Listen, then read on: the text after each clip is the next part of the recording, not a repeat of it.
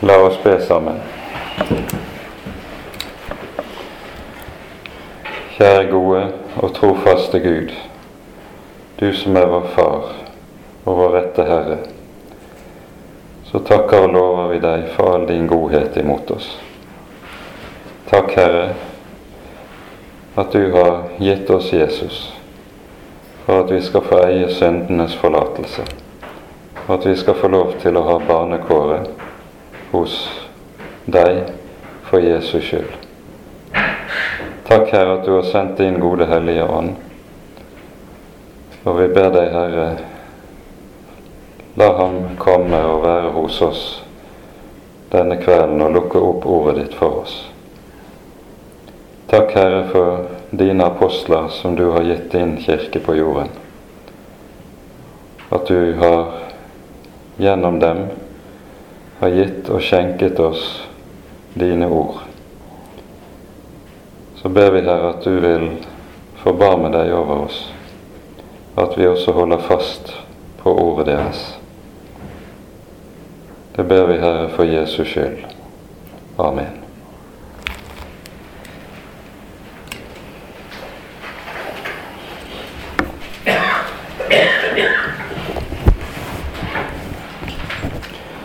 Vi hører altså i det niende kapittel om eh, Paulus' omvendelse. Og eh, av mange kirkehistorikere regnes dette som eh, kristendommens historiens viktigste begivenhet nest etter Jesu oppstandelse. Eh, I og med den veldige betydning apostelen Paulus kom til å få når det gjelder utbredelsen av evangeliet og for etableringen av den kristne kirke som også ikke bare en jødisk liten minoritet, men en kirke der folkeslagene hører hjemme. Vi leser det niende kapittel, de 30 første versene. Saulus fnyste enda trusler om mord mot Herrens disipler.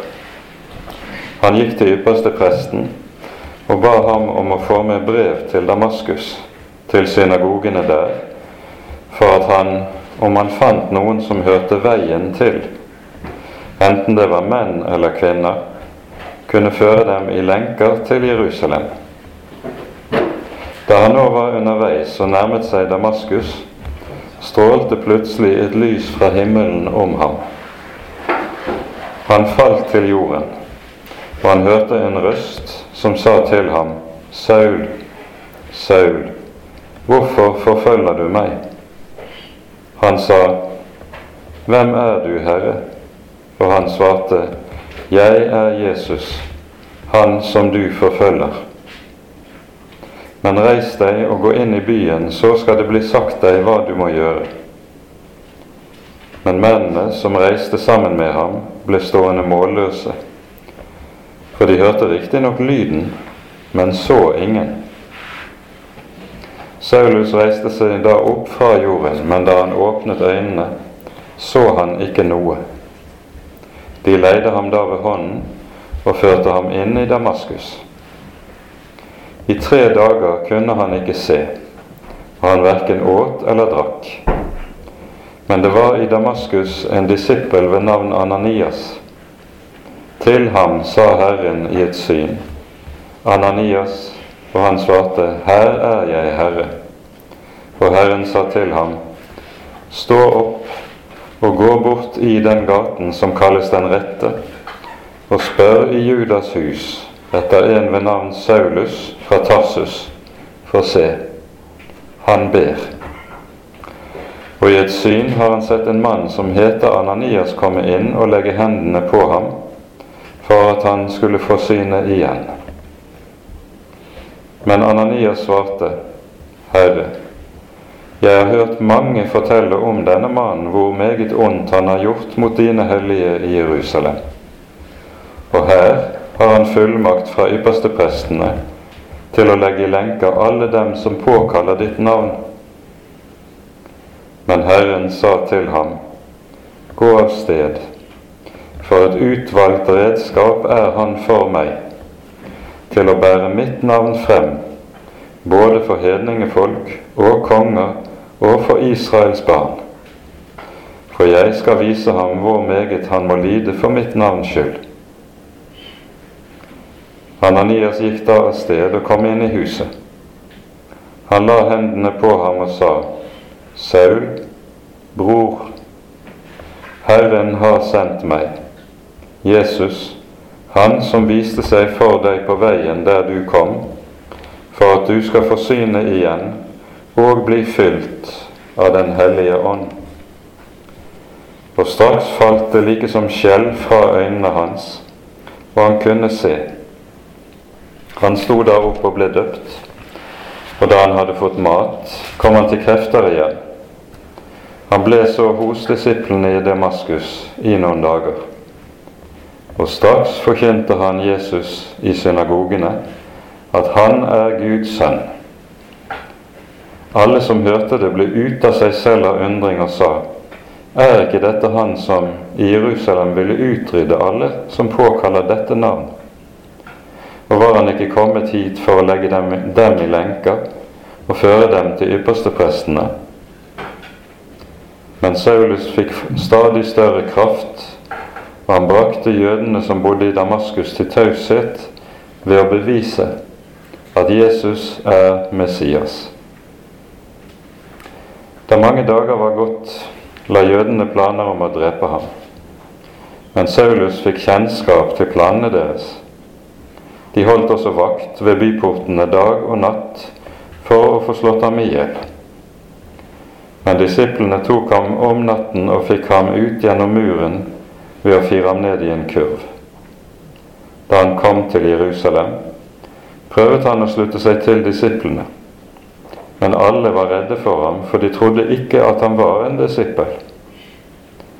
Men Barnabas tok seg av ham og førte ham til apostlene. Han fortalte dem hvordan Saulus på veien hadde sett Herren, og at Herren hadde talt til ham, og om hvor frimodig han i Damaskus hadde talt i Jesu navn. Etter dette gikk han inn og ut hos dem i Jerusalem, og han forkynte frimodig i Herrens navn. Og han talte med de gresktalende jøder og lå i ordskifte med dem, men de prøvet å drepe ham. Da brødrene fikk vite dette, førte de ham ned til Cesarea og sendte ham derfra til Tarsus. Menigheten hadde nå fred over hele Judea og Galilea og Samaria. Den ble oppbygget og vandret i Herrens frykt og vokste ved Den hellige ånds hjelp.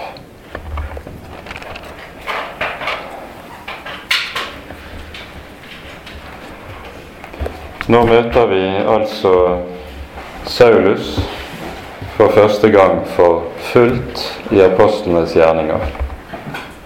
Tidligere har vi hørt om ham så vidt, bare nevnt i forbifarten. I slutten av kapittel 7 fortelles det om steningen av Stefanus, at eh, Saulus eh, var vitne til dette, og alle som var med på steiningen, la sine knær, klær ved hans føtter. Og Senere hører vi i begynnelsen av det åttende kapittel at han er den som tar initiativet til den, en videre forfølgelse, eller en bredere forfølgelse av hele menigheten i Jerusalem. Noe som blir årsak til at store deler av menigheten spres omkring, og som altså fører til at evangeliet også lyder vidt utenfor Jerusalem. Men vi har ikke møtt ham personlig. Det gjør vi her. I um, vår tekst så kalles han Saulus, eller Saul, på hebraisk Shaul. Og vi hører i um, Filippabrevet at Paulus der skriver at han er en hebreer av hebreere, av Benjamins stamme.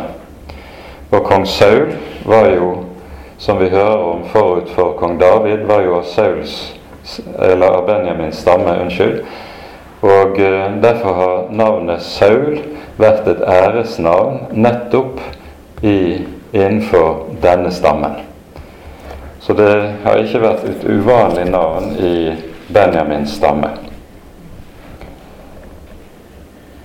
Saul er et hebraisk navn som kommer av det hebraiske ordet av å høre, det, betyr rett og slett den at det barnet som fødes, det er en bønnhørelse. Gud har hørt bønnen. Og eh, eh, det er ikke slik som en ofte kan høre det, at etter at Saul blir kristen, så får han et nytt navn, nemlig Paulus. Eh, det er jo en from tanke, men den stemmer nok ikke med det som er eh, faktum. Det som var vanlig når det gjaldt jøder som var født og oppvokst i diasporaen, var at de både fikk et hebraisk navn fra fødselen og et gresk navn. Så het han Saulus, så byttet man bare for bokstaven ut med en P og fikk Paulus. Og Paulus betyr da 'den lille'. Og når samtidig noen av de eldste historiske kilder vi har til, eh, til eh, disse ting, beskriver Paulus, så fortelles det nettopp at han var meget liten av vekst. Og det er kanskje noe av bakgrunnen for navnet. En har spekulert i om han egentlig var et prematuriebarn, og derfor var liten både ved sin fødsel og også senere i livet var liten av vekst. Men dette er bare spekulasjoner. Han er født inn i en familie som var en fariseerfamilie. Hans far var, eh, hørte til fariseernes parti, eh, og enkelte kilder eh, tyder på at eh, faren og moren opprinnelig kom fra Galilea og har utvandret, slått seg ned i Tarsus i Kilikia. Det var en rik by, og hovednæringsveien i Tarsus i Kilikia var tilvirkningen av et grovt ullstoff eh, som het nettopp kiliki, Eh, og som ble brukt til å sy telt. Så at Paulus av, når det gjaldt håndverk, også var teltmaker, det henger ikke minst sammen med hvor han var vokst opp, og det som var hovednæringsveien i byen. Antagelig har det vært slik med Paulus at når han har fylt 13 år, og altså har gjennomgått den jødiske konfirmasjon, bar mitzvah, så har hans far tatt han med til Jerusalem, kanskje for første gang, og latt ham bli i Jerusalem for å starte på sin utdannelse der. Vi hører i eh, kapittel 22 i apostelgjerningene at Paulus også har hatt en søster Antagelig har dette vært en eldre søster, og det er ikke usannsynlig at Paulus, når han da ble etterlatt i Jerusalem, har bodd hos sin søster og hennes familie mens han begynte på sin utdannelse i Jerusalem. Dette er sånne biografiske trekk som man må slutte seg til ut fra sammenhengen vi hører, finner i Bibelen. Eh, men det fortelles jo veldig lite rett ende frem og like ut. I det 22. kapittel så forteller også Paulus at han har sittet ved Gamaliels føtter. Og Gamaliel var en av de aller fremste rabbinere i samtiden. Han eh, hadde en lærdom og en stilling innenfor datidens jødedom Eh, som raget over alle andre. Og han hørte til Det var jo to skoleretninger, hovedskoleretninger blant fariseerne. Den ene skolen fra, som nedstammet fra Hillel. Eh, og det denne skoleretningen Gamaliel hører til, og som kommer også så å si til å bli den eh, dominerende senere i rabbinsk jødedom. Men her er det Saulus kommer til å gå i skole og utdannes som rabbiner. Og ut fra det vi hører senere Det er jo slik at eh, Paulus' omvendelse berettes der om tre ganger i apostelgjerningene. Først her, hvor det er Lukas som forteller i kapittel 9. Og så senere i kapittel 22 og i kapittel 26 hører vi Paulus' forsvarstaler, der han også beretter om sin omvendelse, og da hører vi det fra hans egen munn. Og disse Holder man sammen disse ulike beretningene om omvendelsen, så får man et mer fullstendig bilde enn bare ved å lese dette, denne ene her i kapittel 9. Og Noe av det som fremgår av eh, bl.a. det som fortelles i kapittel 26, det er at når Paulus nå drar til Damaskus for å pågripe de som bekjenner kristen tro der, så har han ikke bare brev med seg fra ypperstepresten, men han er offisiell utsendelse fra det, utsending fra Det høye råd. Det betyr at han har hele Det høye råd i ryggen i det foretaket han nå begynner på.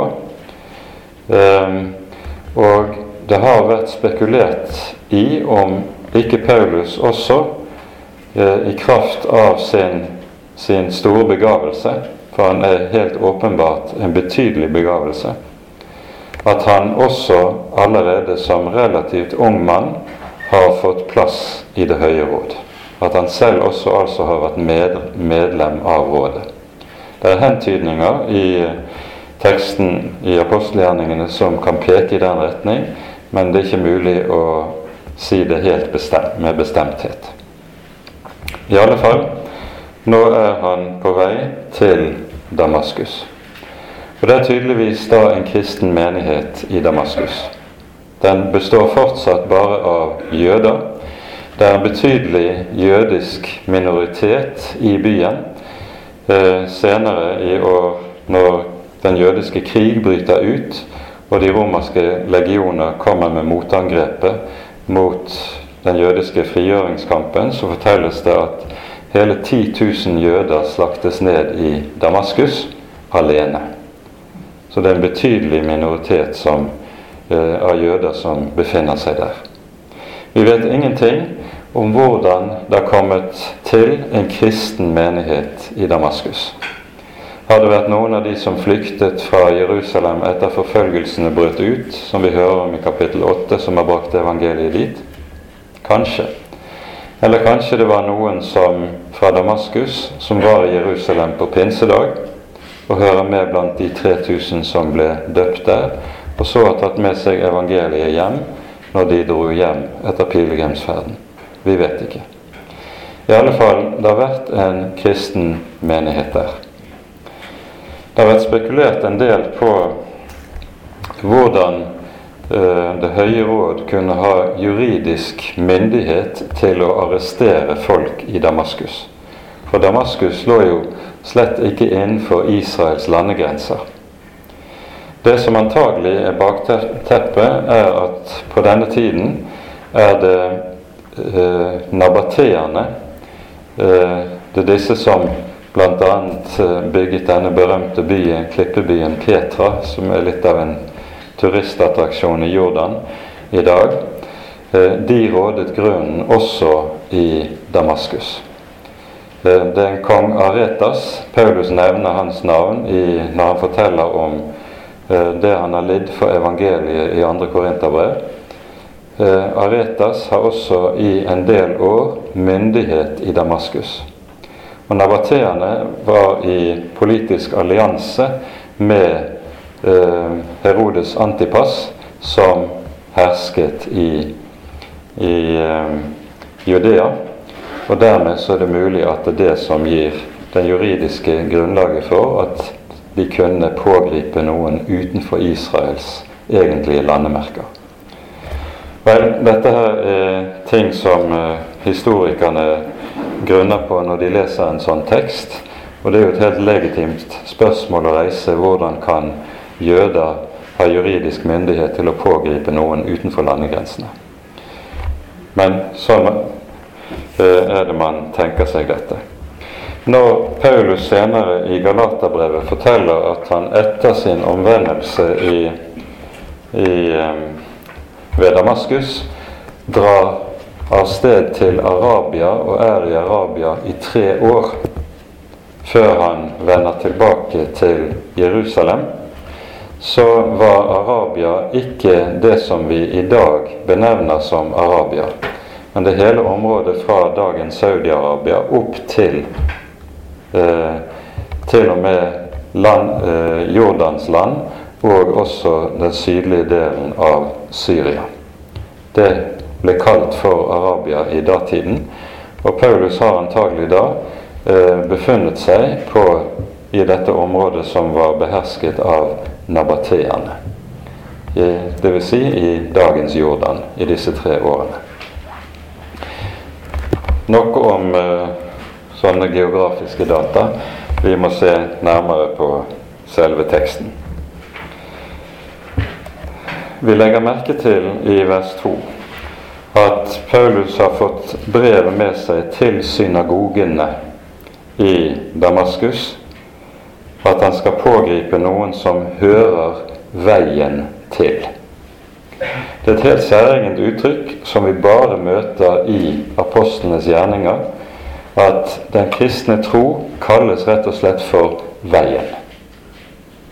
Det står i bestemt form, i absolutt form, og vi møter denne benevnelsen 'veien' en rekke steder i apostlenes gjerninger, men ikke ellers i Det nye testamentet. F.eks. hører vi Paulus bruker betegnelsen i eh, forsvarstalene sine. Eh, han taler om 'den Guds vei', som han altså vandrer. Og den kalles i det 16. kapittel også for frelsens vei. Og med det så eh, beskrives eh, denne veien i kontrast til det som er lovens vei, som var fariseernes måte å tale på. I, frem til i dag innenfor jøde, rabbinsk jødedom så er det stående navnet på den rette levesett i forhold til loven er at man vandrer i henhold til halakha, eh, som betyr eh, vandringen på veien.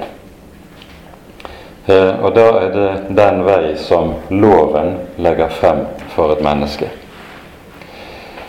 Når ordet brukes på denne måten i apostelens gjerninger for å betegne den kristne tro, så har det en bestemt bakgrunn. For det første selvfølgelig fordi Jesus uttrykkelig selv sier 'Jeg er veien, sannheten og livet'. Og for det andre fordi det i eh, Det gamle testamentet gis helt bestemte løfter knyttet til at Herren lover at han i de siste dager, i frelsens dager, skal rydde en vei så de frelste kan gå der. Og Her tror jeg vi skal minne ganske særlig om ordene i Jesaja-bokens 35. kapittel.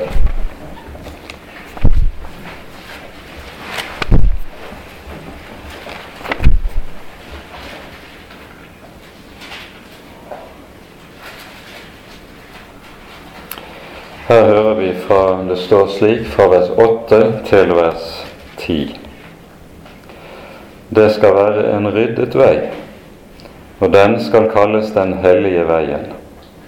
Ingen uren skal gå på den, men den hører hans folk til. Ingen veifarende, ikke engang dårer, skal fare vill.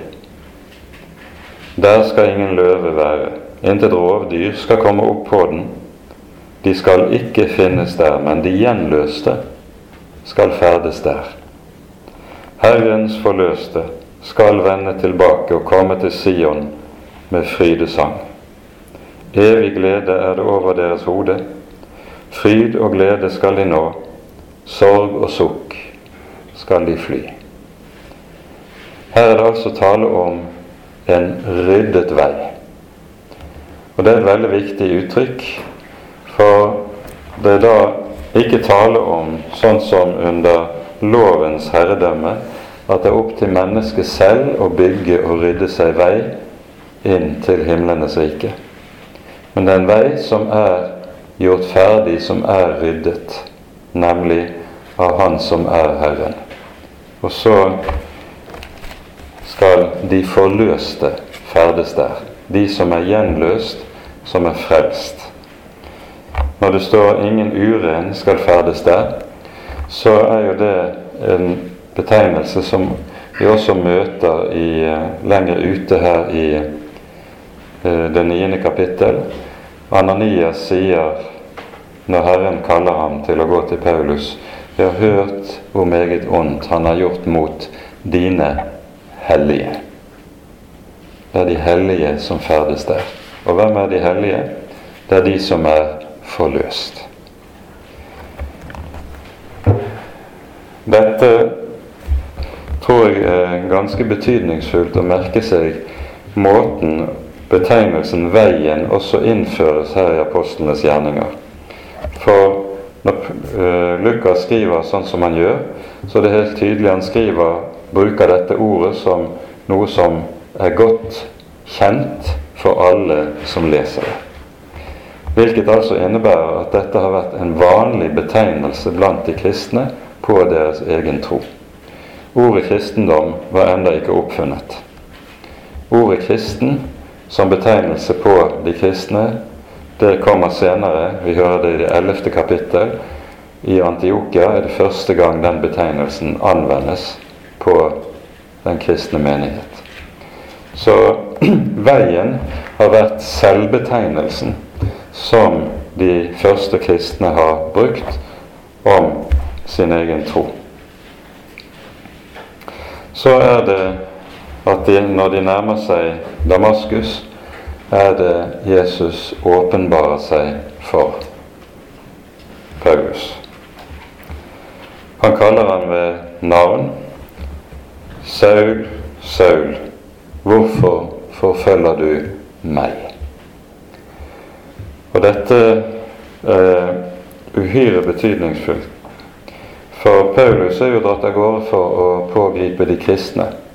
Men Jesus sier, 'Hvorfor forfølger du meg?' Det å forfølge Guds folk, de kristne, det er å forfølge Jesus. Jesus identifiserer seg med sin egen kirke på denne måten.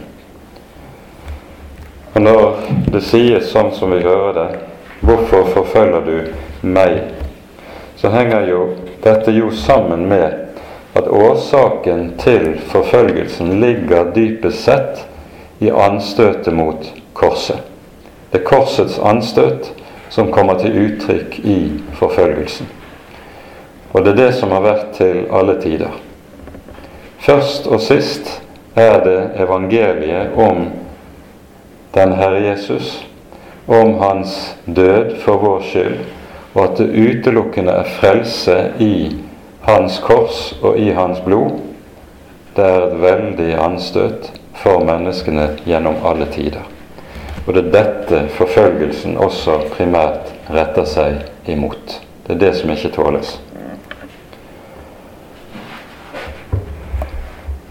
Når Jesus åpenbarer seg for Paulus, så skjer det bestemte ting som er viktig også om du kunne kalle det rent symbolsk. Paulus blir slått til jorden. Og det at han slik slås til jorden, det er jo ikke bare noe som skjer med ham rent fysisk, Men i og med at han nå slås til jorden, så slås også hele hans gamle liv, hele hans gamle tro, hele hans gamle overbevisning. Alt smadres og slås i støvet. Det er jo det som faktisk skjer med Paulus her. Og Dette er det Paulus selv også setter ord på i Filipperne i det tredje kapittel, som er en overmåte viktig tekst når det handler om hvilken, hvor, hvilken veldig omskiftelse det som her skjer utenfor Damaskus, innebærer i Paulus eget liv. Vi eh, leser fra Filippane 3, fra vers 4 av. Skjønt jeg saktens har det jeg kunne sette min lit til i kjød. Om noen annen mener seg å kunne sette sin lit til kjød, kan jeg det enn mer. Jeg er omskåret på den åttende dag. Jeg er av Israels ett, av Benjamins stamme, en hebreer født av hebreere i forhold til loven, en fariseer.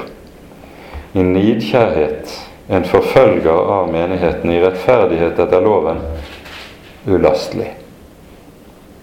Men det som var meg en vinning, det har jeg for Kristi skyld aktet for tap. Ja, jeg akter i sannhet alt for tap, fordi kunnskapen om Kristus Jesus min Herre er så meget mere verd. For Hans skyld har jeg tapt alt, og jeg akter det for skrap, for at jeg kan vinne Kristus og bli funnet i ham, ikke med min egen rettferdighet, den som er av loven, men med den jeg får ved troen på Kristus, rettferdigheten av Gud på grunn av troen. Her hører vi om det store enten-eller som eh, det som skjer utenfor Damaskus, innebærer i Paulus liv. Han had, hele hans liv som fariseer hadde jo handlet om det å bygge opp sin egen rettferdighet. Den rettferdighet som var i henhold til loven. Alt det slås til jorden. Lovrettferdigheten knuses. Og Når Paulus sier sånn som vi hører det, akter det for skrap I den gamle bibeloversettelsen sto det 'skarn'. Og eh, det greske ordet som brukes her i grunnteksten, det betegner noe som ligger på bastungen og lukter ille fordi det holder på å gå i forråtnelse. Slik ser han på hele sin gamle fromhet. Det skal han. det er skrap, det er slått til jorden. Slik at når Paulus her slås til jorden, så er det noe dypt, dypt symbolsk i det. Når Herren så sier til ham, reis deg, stå opp og gå inn i byen, og Paulus reiser seg, så er han blitt blind. På ny et annet trekk som også er dypt symbolsk for det som det her handler om. Paulus mente om seg selv at han hadde vært seende. Nå er han blitt det han egentlig var. Han var blind.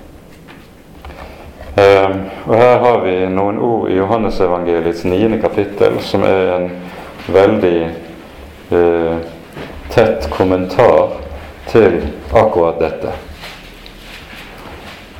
Ehm, det er jo en ordveksling som eh, Jesus står i eh, med en gruppe jøder etter at han har gitt den blindfødte synet tilbake. Og så hører vi eh, i slutten av det niende kapittelet i Johannes-evangeliet, fra vers 39. Jesus sa, til dom er jeg kommet til denne verden, for at de som ikke ser, skal se og de som ser, skal bli blinde. Noen av fariseerne som var der sammen med ham, hørte dette, og de sa til ham, Vi er kanskje også blinde? Jesus sa til dem, Var dere blinde, da hadde dere ikke synd. Men nå sier dere, Vi ser. Derfor er dere fremdeles skyldige.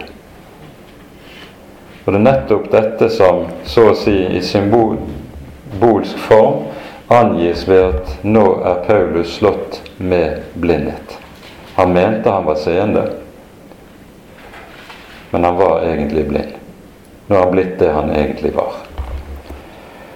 Og så er det at det er Herren selv som må åpne hans øyne. Og den sannhet vi da er inne i, det er nøyaktig samme saken som vi møter i 2. Korinterbrev i det tredje kapittel, som også kan leses som en kommentar Paulus har til sitt eget liv og sin egen vei. Her taler han fra vers 12 av i 2. Korinterbrev 3 om hvordan Det gamle testamentet er en lukket bok for det mennesket som ikke vil omvende seg til Jesus. Det ligger et dekke over øynene, det ligger et dekke over hjertene, så de ikke kan se. Og så skriver Paulus i vers 16 når de omvender seg til Herren, blir dekket tatt bort. Og så ser de.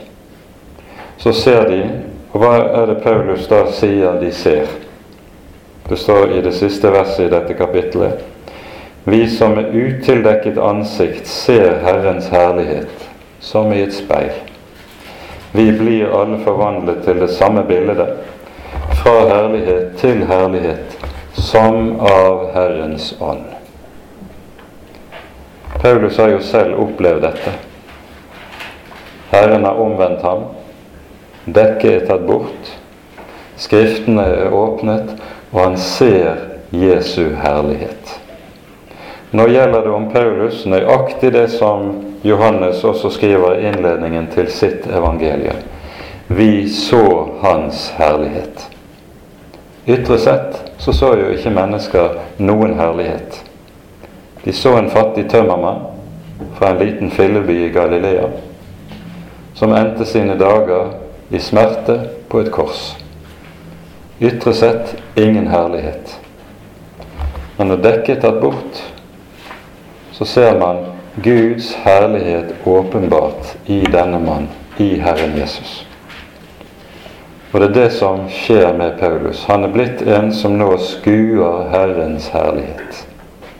For når han sier, bruker betegnelsen 'Herren', så sikter Paulus da alltid til Jesus.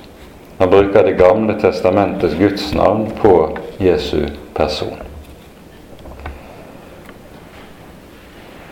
Det tredje som vi også skal understreke i denne sammenheng, det er at det som nå skjer, det er noe Paulus stadig også kommer tilbake til i brevene sine, i det han forteller om sin egen synd som forfølger og som drapsmann. Han har forfulgt Kristi menighet, og derfor er han den største av alle syndere, skriver han. Det som er et av de grunnleggende problemene med fariseismen, det er nettopp egenrettferdigheten, der et menneske ikke ser sin egen synd. Og når en ikke ser sin egen synd, så har en heller ikke bruk for noen frelser. Det er og blir en grunnrealitet i Åndens verden. I første Timotius brev, i første kapittel, er Paulus inne på dette. Og vi leser altså kapittel 1 i 1. Timotius fra vers 12 til vers 16.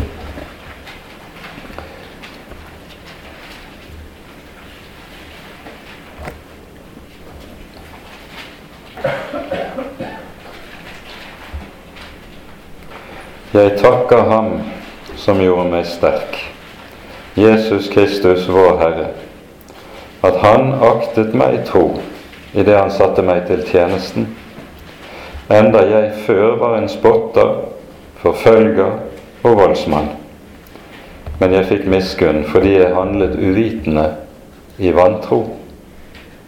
og Vår Herres nåde ble overmåte rik med tro og kjærlighet i Kristus Jesus. Det er et troverdig ord, fullt verd å motta. Kristus Jesus kom til verden for å frelse syndere, og blant dem er jeg den største.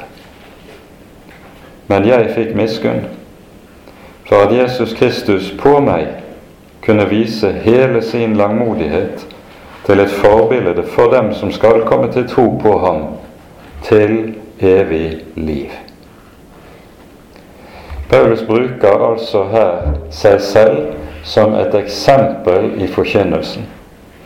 Når han, som er den største av alle syndere, kunne få nåde. Da kan i hvert fall alle de andre som er mindre syndere enn han, også få nåde. Det er tankegangen hos ham. Og så blir det som skjer utenfor Damaskus, når Paulus møter den oppstandende, Jesus den levende Herre og Frelser, så blir dette også hans første oppdagelse av hva evangeliet er for noe.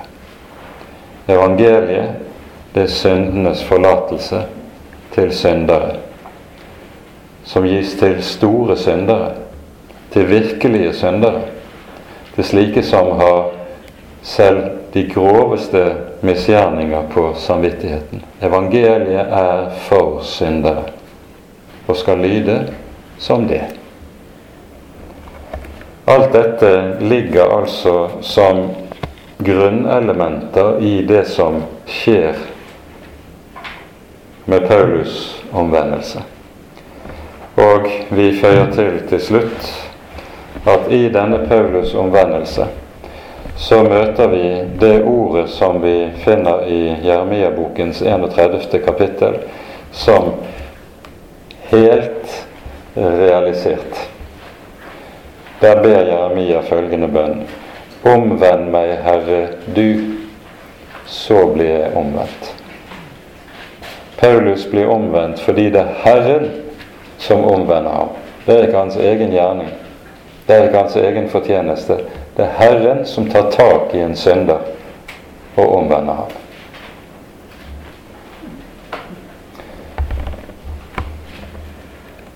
Dette denne sannhet den kommer til uttrykk på i mange sammenhenger i Det nye testamentet.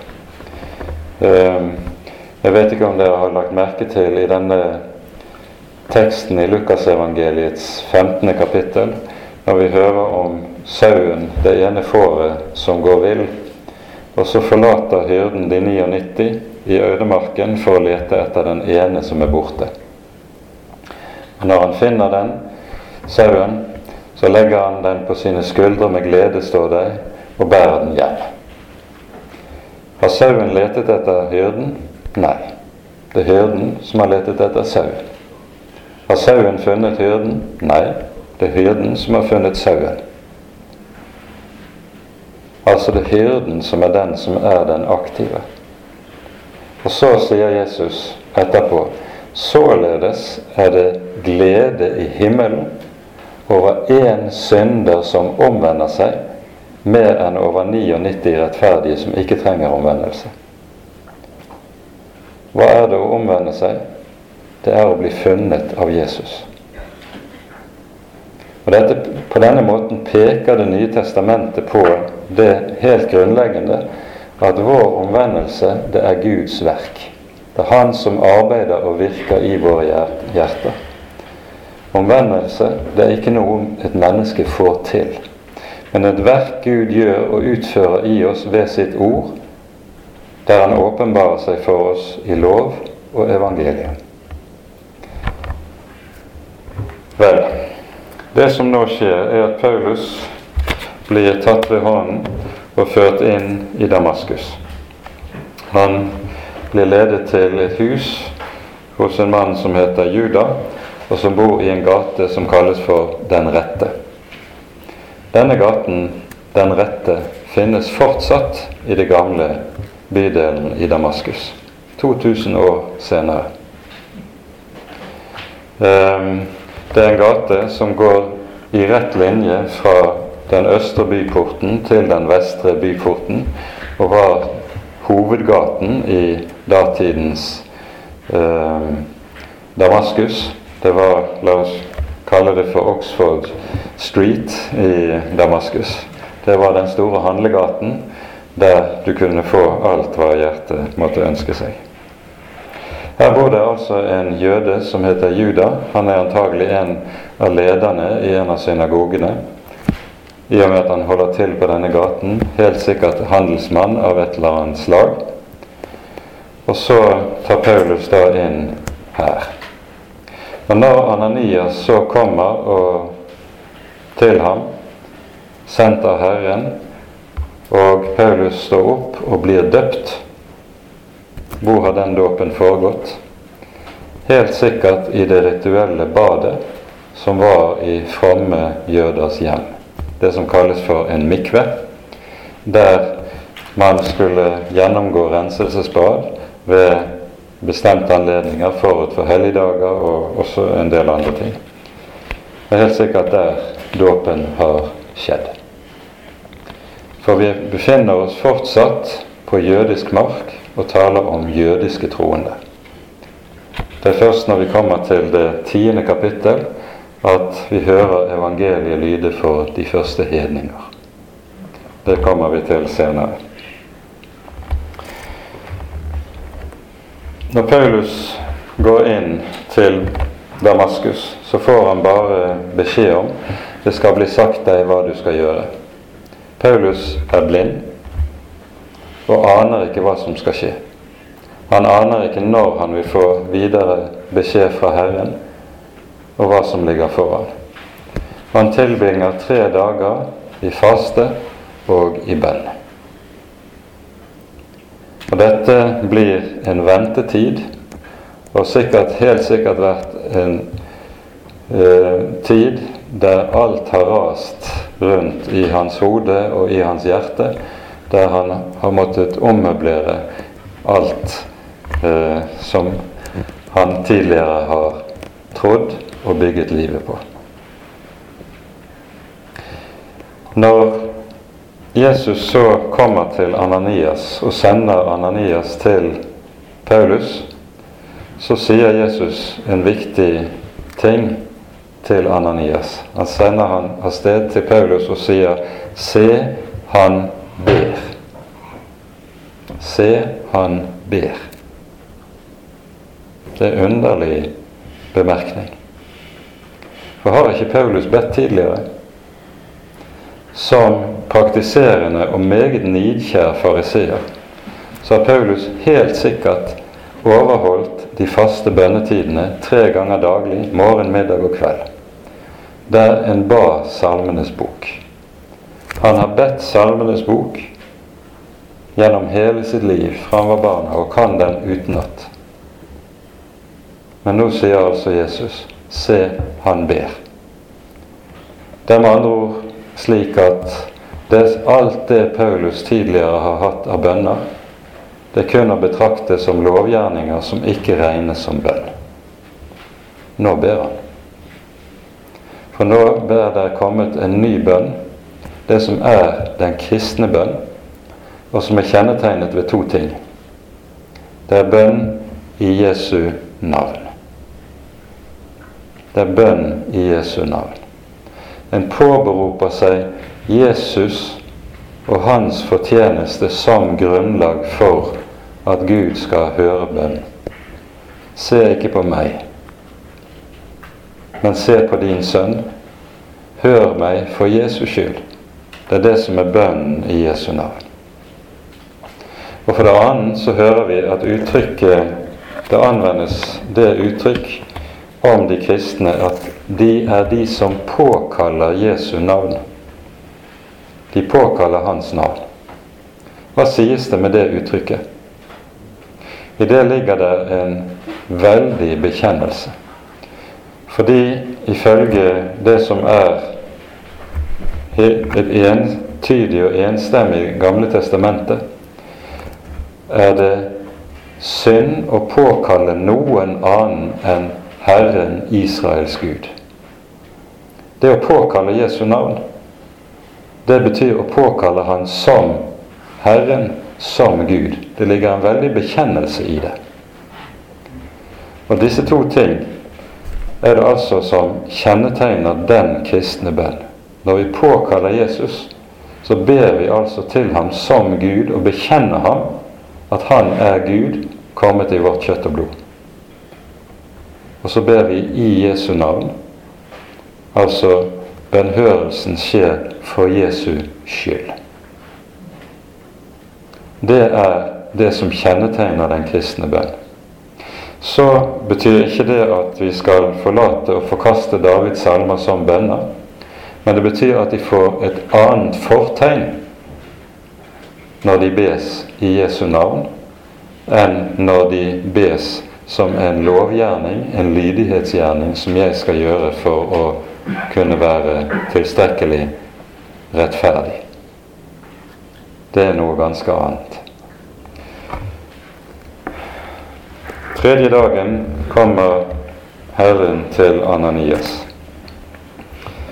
Ananias er en gresk form av et hebraisk navn, Hananya, som betyr eh, 'Gud er meg nådig'. Og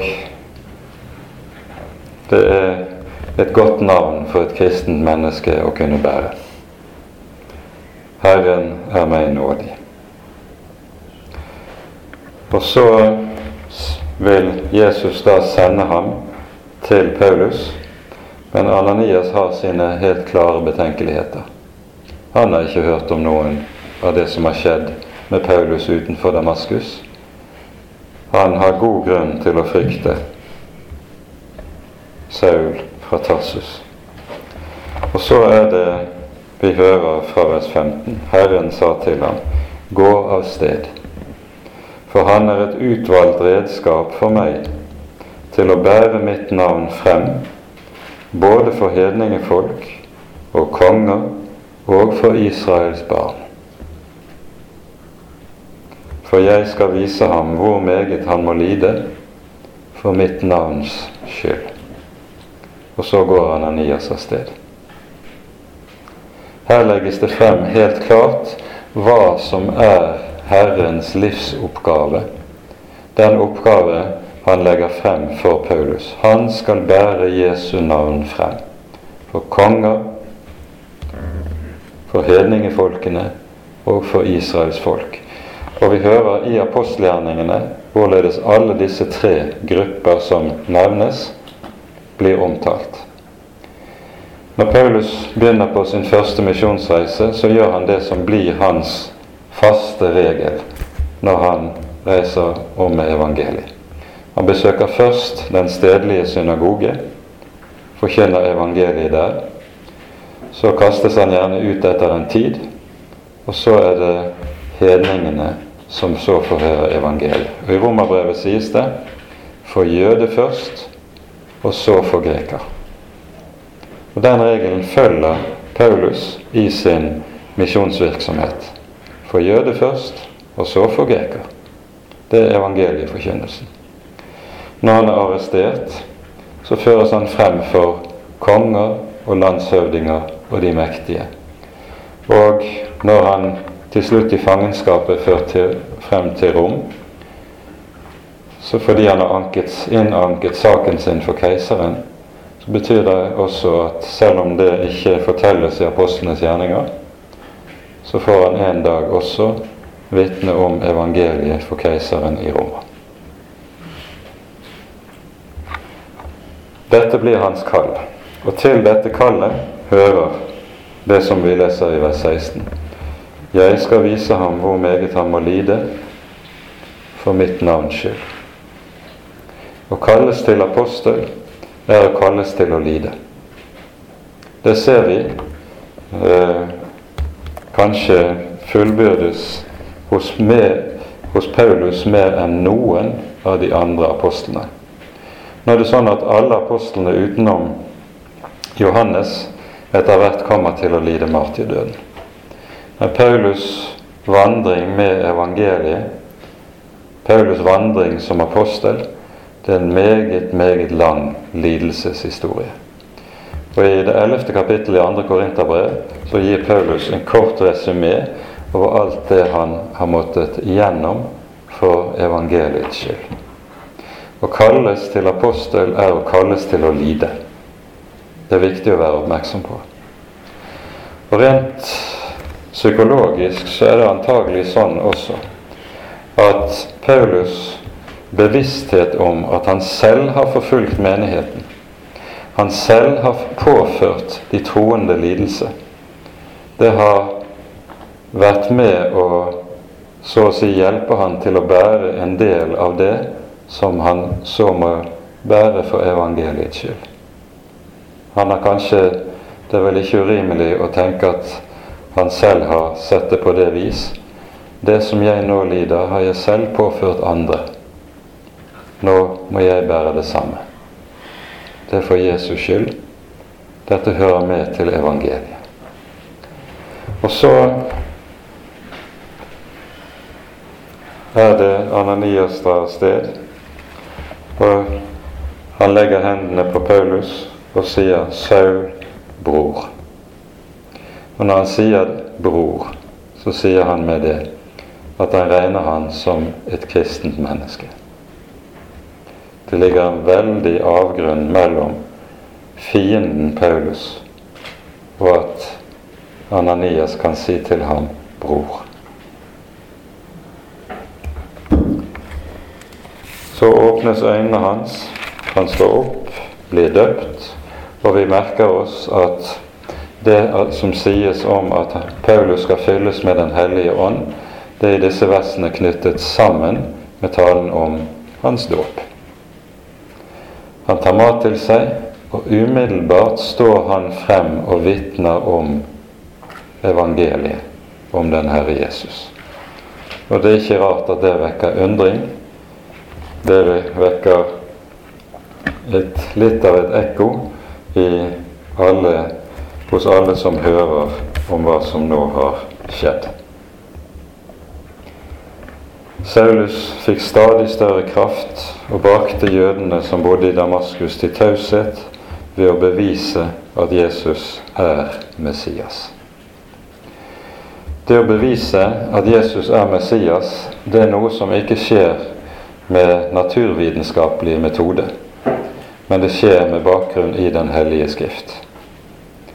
Det er ut fra Skriftene slik bevisføring gjøres og har sin eneste gyldighet og legitimitet.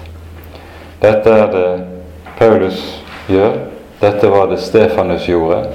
Dette er det senere vi hører også Barnabas gjør når vi leser om hans virke, og Apollos også senere i apostlenes gjerninger.